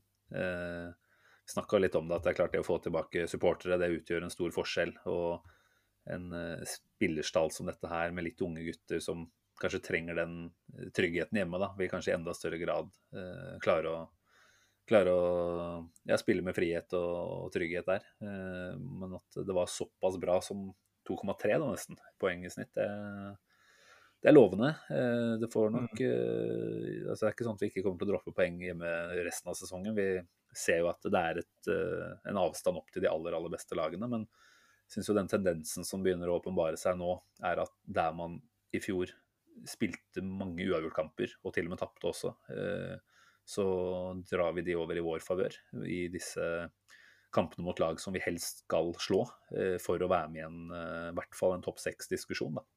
Mm. Så jeg liker, eh, liker det veldig godt. Vi fikk et spørsmål om det òg, Simen, før vi går ut til X-spillerspalten. Det er fra Arsenal eh, Fifa 1, etter Arsenal Fifa 1 på, på Twitter. Eh, Du kan svare på det. Nå som vi har spilt ca. en tredjedel av sesongen, hva vil være en realistisk eh, tabellplassering? Han mener, eller han eller hun, det er vanskelig å, å si. Eh, personlig tror jeg at eh, topp seks skal være mulig, men at det kan også, også kan være muligheter for å sniffe på en eventuell topp fire-plassering. Ja. Og jeg har sagt uh, mang en at uh, den tabellen Altså, jeg ser jo på den, for jeg kan ikke være blind for den. Men jeg har valgt å ikke bry meg nevneverdig om den før vi kommer over nyttår. Uh, men, uh, men det er klart at eh, når vi ser tendensen i de andre lagene, da, utenom de tre beste, som jo er tilsynelatende spikra der oppe nå, så, så, er det sånn at vi bør kunne være med å kjempe om de neste tre plassene. Jeg tror fortsatt at Det blir veldig spennende å se hva United får til under Ragnhild nå en, et halvt års tid. Om han får skikk på sakene med en gang, eller om det kanskje er full clinch. Det vet jeg ikke. Det blir spennende. Du har vært inne på konto tidligere.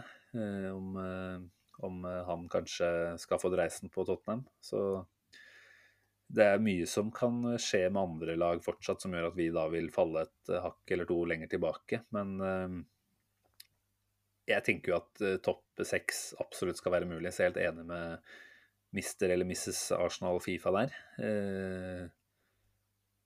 Hvem vet, da. la oss se. Litt, litt, lenger ut i sesongen. Nå kommer en, en spennende prøve allerede på torsdag, hvor Altså disse storkampene mot Liverpool og City og sånt, de har vi på en måte avskrevet litt på forhånd. Men et United som er eh, Nå fikk de med seg et eh, kanskje litt heldig poeng mot Chelsea i dag, søndag, men eh, forventer jo at det er en sånn type kamp hvor vi i mye, mye større grad skal være konkurransedyktige da, enn vi har vært mot Liverpool, Chelsea og City. Så det blir en ganske beskrivende kamp på mange måter kan, kan, man tro. Vi får se hva vi får ut av den. Ja. Uh... Så jeg svarte vel ikke ordentlig der. Jeg kommer ikke til å tippe noen tabellplassering, men eh, topp seks eh, er innafor rekkevidde. Det er det jo. Ja, altså du nevnte Conte, og til alle de som Tottenham-supportere som mura seg inne eh, på torsdag etter å ha tapt mot det lavest rangerte laget i Conference League, så tenker jeg at eh, kanskje så er Tottenham rett og slett for eh, svake per nå til at selv Conte kan gjøre noe på, det, på kort sikt. Det var det jeg ja. sa til deg for to-tre uker siden, og du nekta å høre. Nei, men jeg nekter fortsatt å høre at Conte ikke er en type som kan gjøre det. Jeg bare sier at uh, Han sa det jo sjæl nå. De er for ræva, sa han. Ja, ja. Men uh, vi, vi, får nå se, da. Uh, jeg tror ikke Tottenham klarer topp fire. men jeg tror rett og slett at, at Ragnhild og United kommer til å gjøre det, for det er for mye kvalitet i, i det laget. Men nå er, nå er United fem poeng bak oss. Mm. Skulle vi klare å, å, å, stikke av gårde med tre poeng på Old Trafford Nå slipper vi heldigvis og sannsynligvis å få Ragnhild på sidelinjen, fordi at uh, det er noe arbeidstillatelsesgreier der som gjør at han sannsynligvis ikke er klar. Nydelig. Uh, så skulle vi stjele med oss tre poeng og få en åttepoengs luke, Mm. Det er klart Da da har vi i hvert fall satt oss sjøl i en god posisjon. da. Mm. Uh, Westham uh, tapte mot Wolverhampton sist, tapte uh, ikke overraska mot City i dag. West, altså, mange snakker om at Westham er, er så fantastiske, men vi er jo tross alt av poeng med det. Mm. Uh, og hvis Leicester, og Leicester vant i dag selvfølgelig mot Watford, men jeg tenker at hvis, hvis, hvis Westham og Leicester skal være en kandidat til topp top fire, i, i, den mm. grad United faller av, så, så skal vi være det òg. da. Så igjen, det er det er vanskelig å svare på, for ting snur så sinnssykt fort. Mm. Men jeg, jeg, tror at så lenge Ragnhild eller Conte ikke gjør underverker, eh, som begge to kanskje er i stand til, så, så er vi mer enn kapable til å, å ta den fjerdeplassen. Ja, så føler jeg at eh, jokeren vi, jokeren vi, sitter med, er jo at vi også kanskje i større grad enn noe annet lag er i en fase hvor vi forbedrer oss fra kamp til kamp. da, Mer enn andre. Eh, mm. Jeg tenker at det, det, laget her er så i en bli kjent-fase fortsatt. da. Og allikevel så henter vi såpass solid med poeng som vi gjør til nå. Eh, tenker at eh, Nei, altså henger vi med her da, over nyttår. Og den gjengen her faktisk i større grad ser at det er mulig. Jeg tenker det er det det handler om nå. at uh, Nå har det vært noen eksempler på et par sesonger hvor vi faktisk har vært helt nede i sumpa og vært helt avkobla alt som heter europadiskusjon når vi kommer til januar, så hadde vi vel for så vidt en ørliten periode hvor vi, hvor vi begynte å tenke tanken igjen i fjor. Men uh, det, det, gikk jo da ganske kort tid før vi klappa sammen igjen. Det er klart, jeg ser med den gjengen her, da, hvis de begynner å se at oi, her lukter det Europa i hvert fall uh, sånn i januar-februar, da, da, tror jeg vi kan få se mye, mye bra derfra ut. da.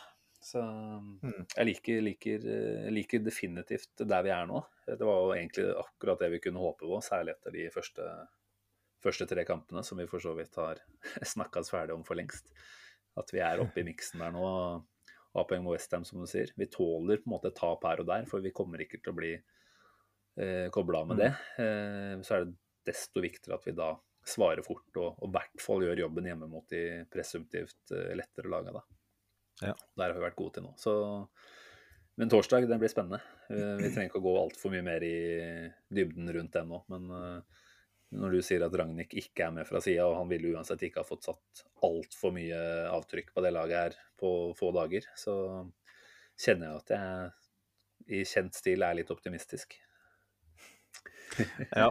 Nei, jeg tenker uavgjort er et, er et veldig OK resultat, ja, altså. Så, og det tror jeg vi kan absolutt kan klare, men uh, samtidig Jeg så et helt annet United i dag mot, mot Chelsea enn det vi har gjort uh, siste. Det er litt sånn som er Newcastle òg, for så vidt. Uh, den første kampen til Eddie Howe på, på sidelinja, du så jo at dette var jo ikke et dette var jo ikke en 20.-plass-lag, 20 eh, lag, det de presterte, spesielt første omgang der. Altså, hadde det vært eh, Newcastle for et par uker siden, så hadde vi jo tatt dem kanskje med et par mål til. Så det, det har noe å si. Så klarer vi å kjempe med oss en uavgjort og holde avstand på fem poeng, så er jeg jævlig fornøyd. Altså. Ja, ja.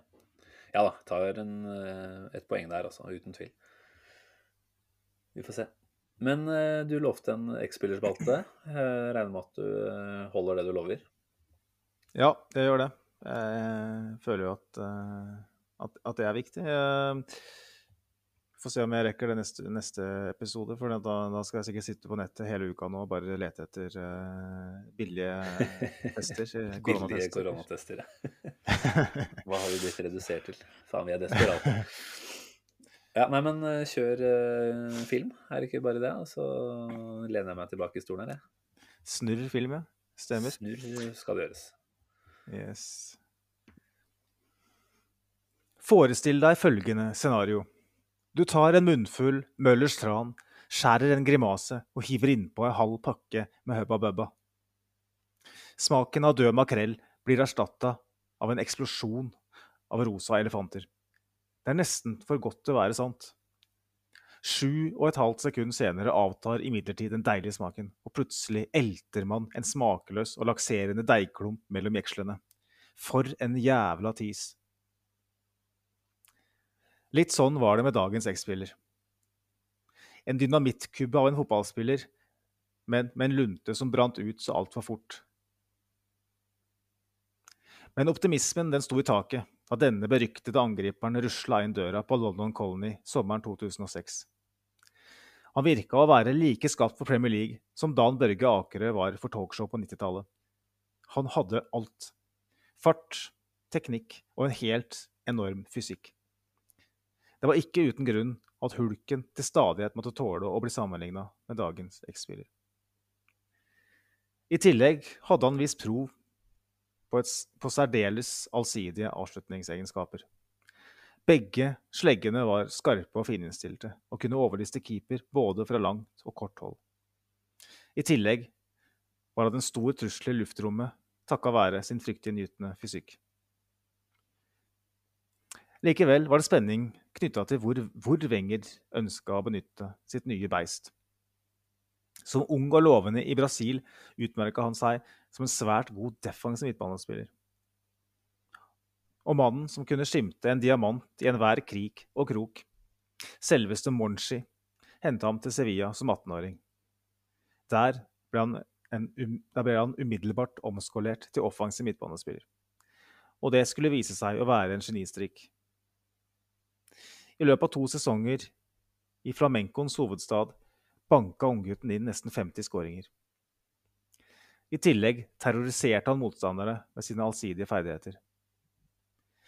Og like sikkert som at hylende måker dukker opp ved et stykke brød eller en pøl med fiskeslam, sirkulerte de spanske storklubbene som gribber rundt Sevillas nyeste superstjerne. Og snart kunne dagens X-spiller kalle seg en Galactico. I London satt en fransk professor med voksende rynker i panna. Den brasilianske landslagsspilleren sto høyt på ønskelista denne sommeren. Skuffa måtte han innse at drømmen om Bernabeu ble for fristende. Men det skulle bare gå ett år før Wenger på ny kunne melde sin interesse. Dagens X-spiller fant seg ikke til rette i den spanske hovedstaden, og da Jose Antonio Reyes ga uttrykk for en gnagende hjemlengsel, så franskmannen sitt snitt. En snedig byttelandsavtale ble inngått. hvor et Madrid-mareritt skulle få en etterlengtet pause for det brasilianske beistet. Wenger hadde fått sin hulk, om så bare for én sesong. Med Pires, Bergkamp og Reyes ut dørene, samt at Henry og Jungberg slet med skader, var behovet for pålitelige målskårere uvanlig presserende for Wengers Arsenal. I tillegg håpet mange at nyervervelsen ville tilføre laget en fysisk tilstedeværelse på midten som hadde vært savna siden Vieira forsvant ett år tidligere. Men det ble tidlig klart at det var noe som ikke var helt som det skulle med leiesoldaten. Som en brunstig elgokse som byksa ut i myra, så det lovende ut de første minuttene. Men allerede etter halvspilte omganger så han ut som den samme elgoksen, men nå med tunge steg i bløt myr. Det vites ikke om han hadde dampa vei på sigaretter på fritida, men det kunne saktens se sånn ut. Kondisen virka å være langt unna det man forventer fra en eliteutøver. Dagens X-spiller fikk kun, elleve 11 ligakamper fra start, rett og slett fordi han ikke orka kjøret. I alle fall er det slik de fleste tolka det. Men det skal dog nevnes at det var noen høydepunkter. Eller i alle fall ett høydepunkt. Da The Gunners gjesta Liverpool i ligacupen i januar, fikk kraftpluggen sjansen fra start i tospann med Jeremy Aliadier. Og for en aften det skulle bli! Endelig fikk vi se prov på de allsidige avslutteregenskapene. Et nydelig frisparkmål ble fulgt av tre skikkelige goalgetterskåringer. Etter å ha notert seg for én fattig skåring på tolv kamper, fleska han til med fire fulltreffere på Anfield. Scouserne ble slått med hockeyresultatet 6-3, og beistet hadde endelig tatt av seg ytterfrakken. Hulken gløda endelig grønt. Dessverre skulle også dette bli som en munnfull hubba bubba. Et fyrverkeri som slokna like kjapt som det oppsto. Jo da, det skulle bli et par pinner i semifinalen mot Spurs i samme turnering. Men i ligaen og i Champions League, turneringene han ble henta inn for å prege, falt han fullstendig gjennom. Fire skåringer på 28 kamper i de to viktigste turneringene var flere hakk under det vi forventa. Mannen som skulle være som skapt for Premier League, så ut som en fisk på land. En flappende breiflabb med akutt behov for sjøsetting. Det var derfor ingen som satte Hubba Bubbaen i halsen da klubben lot være å legge inn et bud på leiesoldaten da avtalen utløp. Noen ganger lønner det seg med prøvekjøring. En dyr tabbe ble dermed unngått, og partene kunne skilles, mens leken fremdeles ikke var amper. Mannen som banka inn nesten 50 skåringer på to år i La Liga, og fikk nesten og fikk hele 47 landskamper for selveste Brasil, endte opp som et gåtefullt parentes i Arsenals stolte historie. Hva som gikk galt, får vi kanskje aldri vite. Men at Julio Baptista var en mye, mye bedre fotballspiller enn det han viste på Emirates, er det liten tvil om. Det må vi anta. Han viste det i hvert fall på Anfield, da. Så han hadde det til gode å herje på Emirates, dessverre. Det, jeg husker at jeg syntes det var en skikkelig kul eh, deal når vi fikk den over linja der. Eh, kreative saker, må man jo bare si. Og eh, Wenger igjen, da, som ser sitt snitt til å gjøre en god deal når omstendighetene tilsier det. Men Mm. eh, jeg ble litt sånn skeptisk til hva han drev med etterpå, egentlig. Kom han på noe som helst tidspunkt? Eh, han var vel i Italia, var han ikke det? Men eh, Han gikk jo tilbake til Real selvfølgelig, og Ja. var der i én sesong, tror jeg. Og da, da, da gjorde han en ganske OK figur og vant ligaen. og Var ikke i nærheten av Sevilla-dagene, selvfølgelig. Men så endte han vel opp i Roma. ja, stemmer det. Og han var jo aldri i nærheten av det han viste i Sevilla på noe tidspunkt etter det. Han, det er veldig rart, for at han hadde så mye ferdigheter og virka Altså, han kom jo rett etter Dani Alves og Sergio Ramos, og man tenkte liksom at det her det er en av sånn en ny sånn Monchi-suksesshistorie. Eh, men det er bare Jeg vet ikke om han rett og slett var eh, litt sånn Adriano, eh, gammel Ronaldinho, altså en, en, en brasilianer som kanskje likte livet utenfor banen for godt. eller noe sånt. For han virka jo, Jeg vet ikke om du husker det så godt som meg, Simen, men for meg så jeg, veldig, jeg husker veldig klart at han etter liksom 20-25 minutter så så han allerede kjørt ut i Premier League. Det skjedde flere ganger. Han bare, han, han, han, han takla ikke det kjøret. Nei, altså, jeg sitter ikke og husker akkurat det, nei. Det gjør jeg ikke. Men, uh, men når du sier det, så stemmer det helt sikkert. Og det, det er vel klart at uh, mer enn uh, det burde man jo kunne forvente av en toppidrettsutøver. en Han såkalt, starta elleve kamper, altså. Elleve matcher. Ja. Altså, vi Og skal det ikke er en spiller som kom inn som Wenger ønska seg. Altså, det husker jeg veldig godt. Det var en spiller som var av politisk kilde linka til Arsenal et par år. Mm, Det var en spiller som Wenger virkelig beundra. Da hadde han hatt muligheten til å kjøpe den, så hadde han gjort det. Og det ja. Ja, greit slapp det, da, for så vidt. Men det er vel uten å måte, dra alle brasilianere over en kam, så, så er det vel sånn at eh, de har et rykte på seg, noen av de, da, for å like det søte liv. Eh, kanskje vel så mye som det å prestere på fotballbanen. Har du gjort jobben på fotballbanen lenge nok, så kan du på en måte høste fruktene av det i årevis etterpå. Bare nyte, nyte alt det livet har å by på. Jeg anbefaler alle å høre på When We Are Kings-podkasten med Romario. eh, Og få innblikk i hvordan den eh, en fotballspiller kan uh, late seg til eh, en sånn status. Nei, det skal jeg, skal jeg gjøre sjøl. Ja, nei, men bra levert som alltid, Magnus. Takk, takk. Takk for det. Skal vi runde av deg? Da ble det jo ca. en halvannen time i dag òg. Så det er jo på skjema, det. Det er på skjema, eh, og da tipper jeg vi må gi, vi må gi oss med en gang, sånn at vi ikke går over. Ja, Det ser så, ser så stygt ut på feeden at vi har holdt på i en time og tre kvarter. enig. Vi vet ikke når vi er tilbake med neste innspilling. Det får vi ta litt som det kommer. Nå er det vel torsdag-mandag, så det er jo ikke sånn helt ultimat tidspunkt å spille inn noen noe pod eh, verken etter første eller andre kamp der. Så det, dere som lytter, får bare vente i spenning, så er vi ikke, ikke så altfor langt unna med en ny episode, i hvert fall. Hvis, eh, hvis ting ordner seg med covid og omni- omnikønt og reising, så, så kan det hende at vi kommer til å ha en sånn daglig innspilling her. Hver dag. Sitter bare og koser oss med at vi skal til England. Åh, jeg drømmer. Jeg sitter og ber. Jeg er ikke religiøs, men jeg sitter faktisk og ber. Folder hendene mine her. Ber til Boris. Ja, fucking wanker-viruset. det lar vi ikke ta knekken på den turen her, altså. Ja, nei, men eh, bra, Magnus. Takk for praten. For du ha en riktig fin uke. Eh, til deg som lytter. Eh, setter veldig stor pris på at dere er med. Eh, veldig. Eh, lik oss gjerne på Facebook og følg oss på Twitter. Der kommer vi med oppdateringer i ny og ne. Så er det bare å kaste inn spørsmålene sine der. Eh, ja, i mellomtiden så er det bare å ønske en, en god uke til alle sammen, og så sier vi på gjenhør om ikke så altfor lenge. Ha det bra. Ha det bra!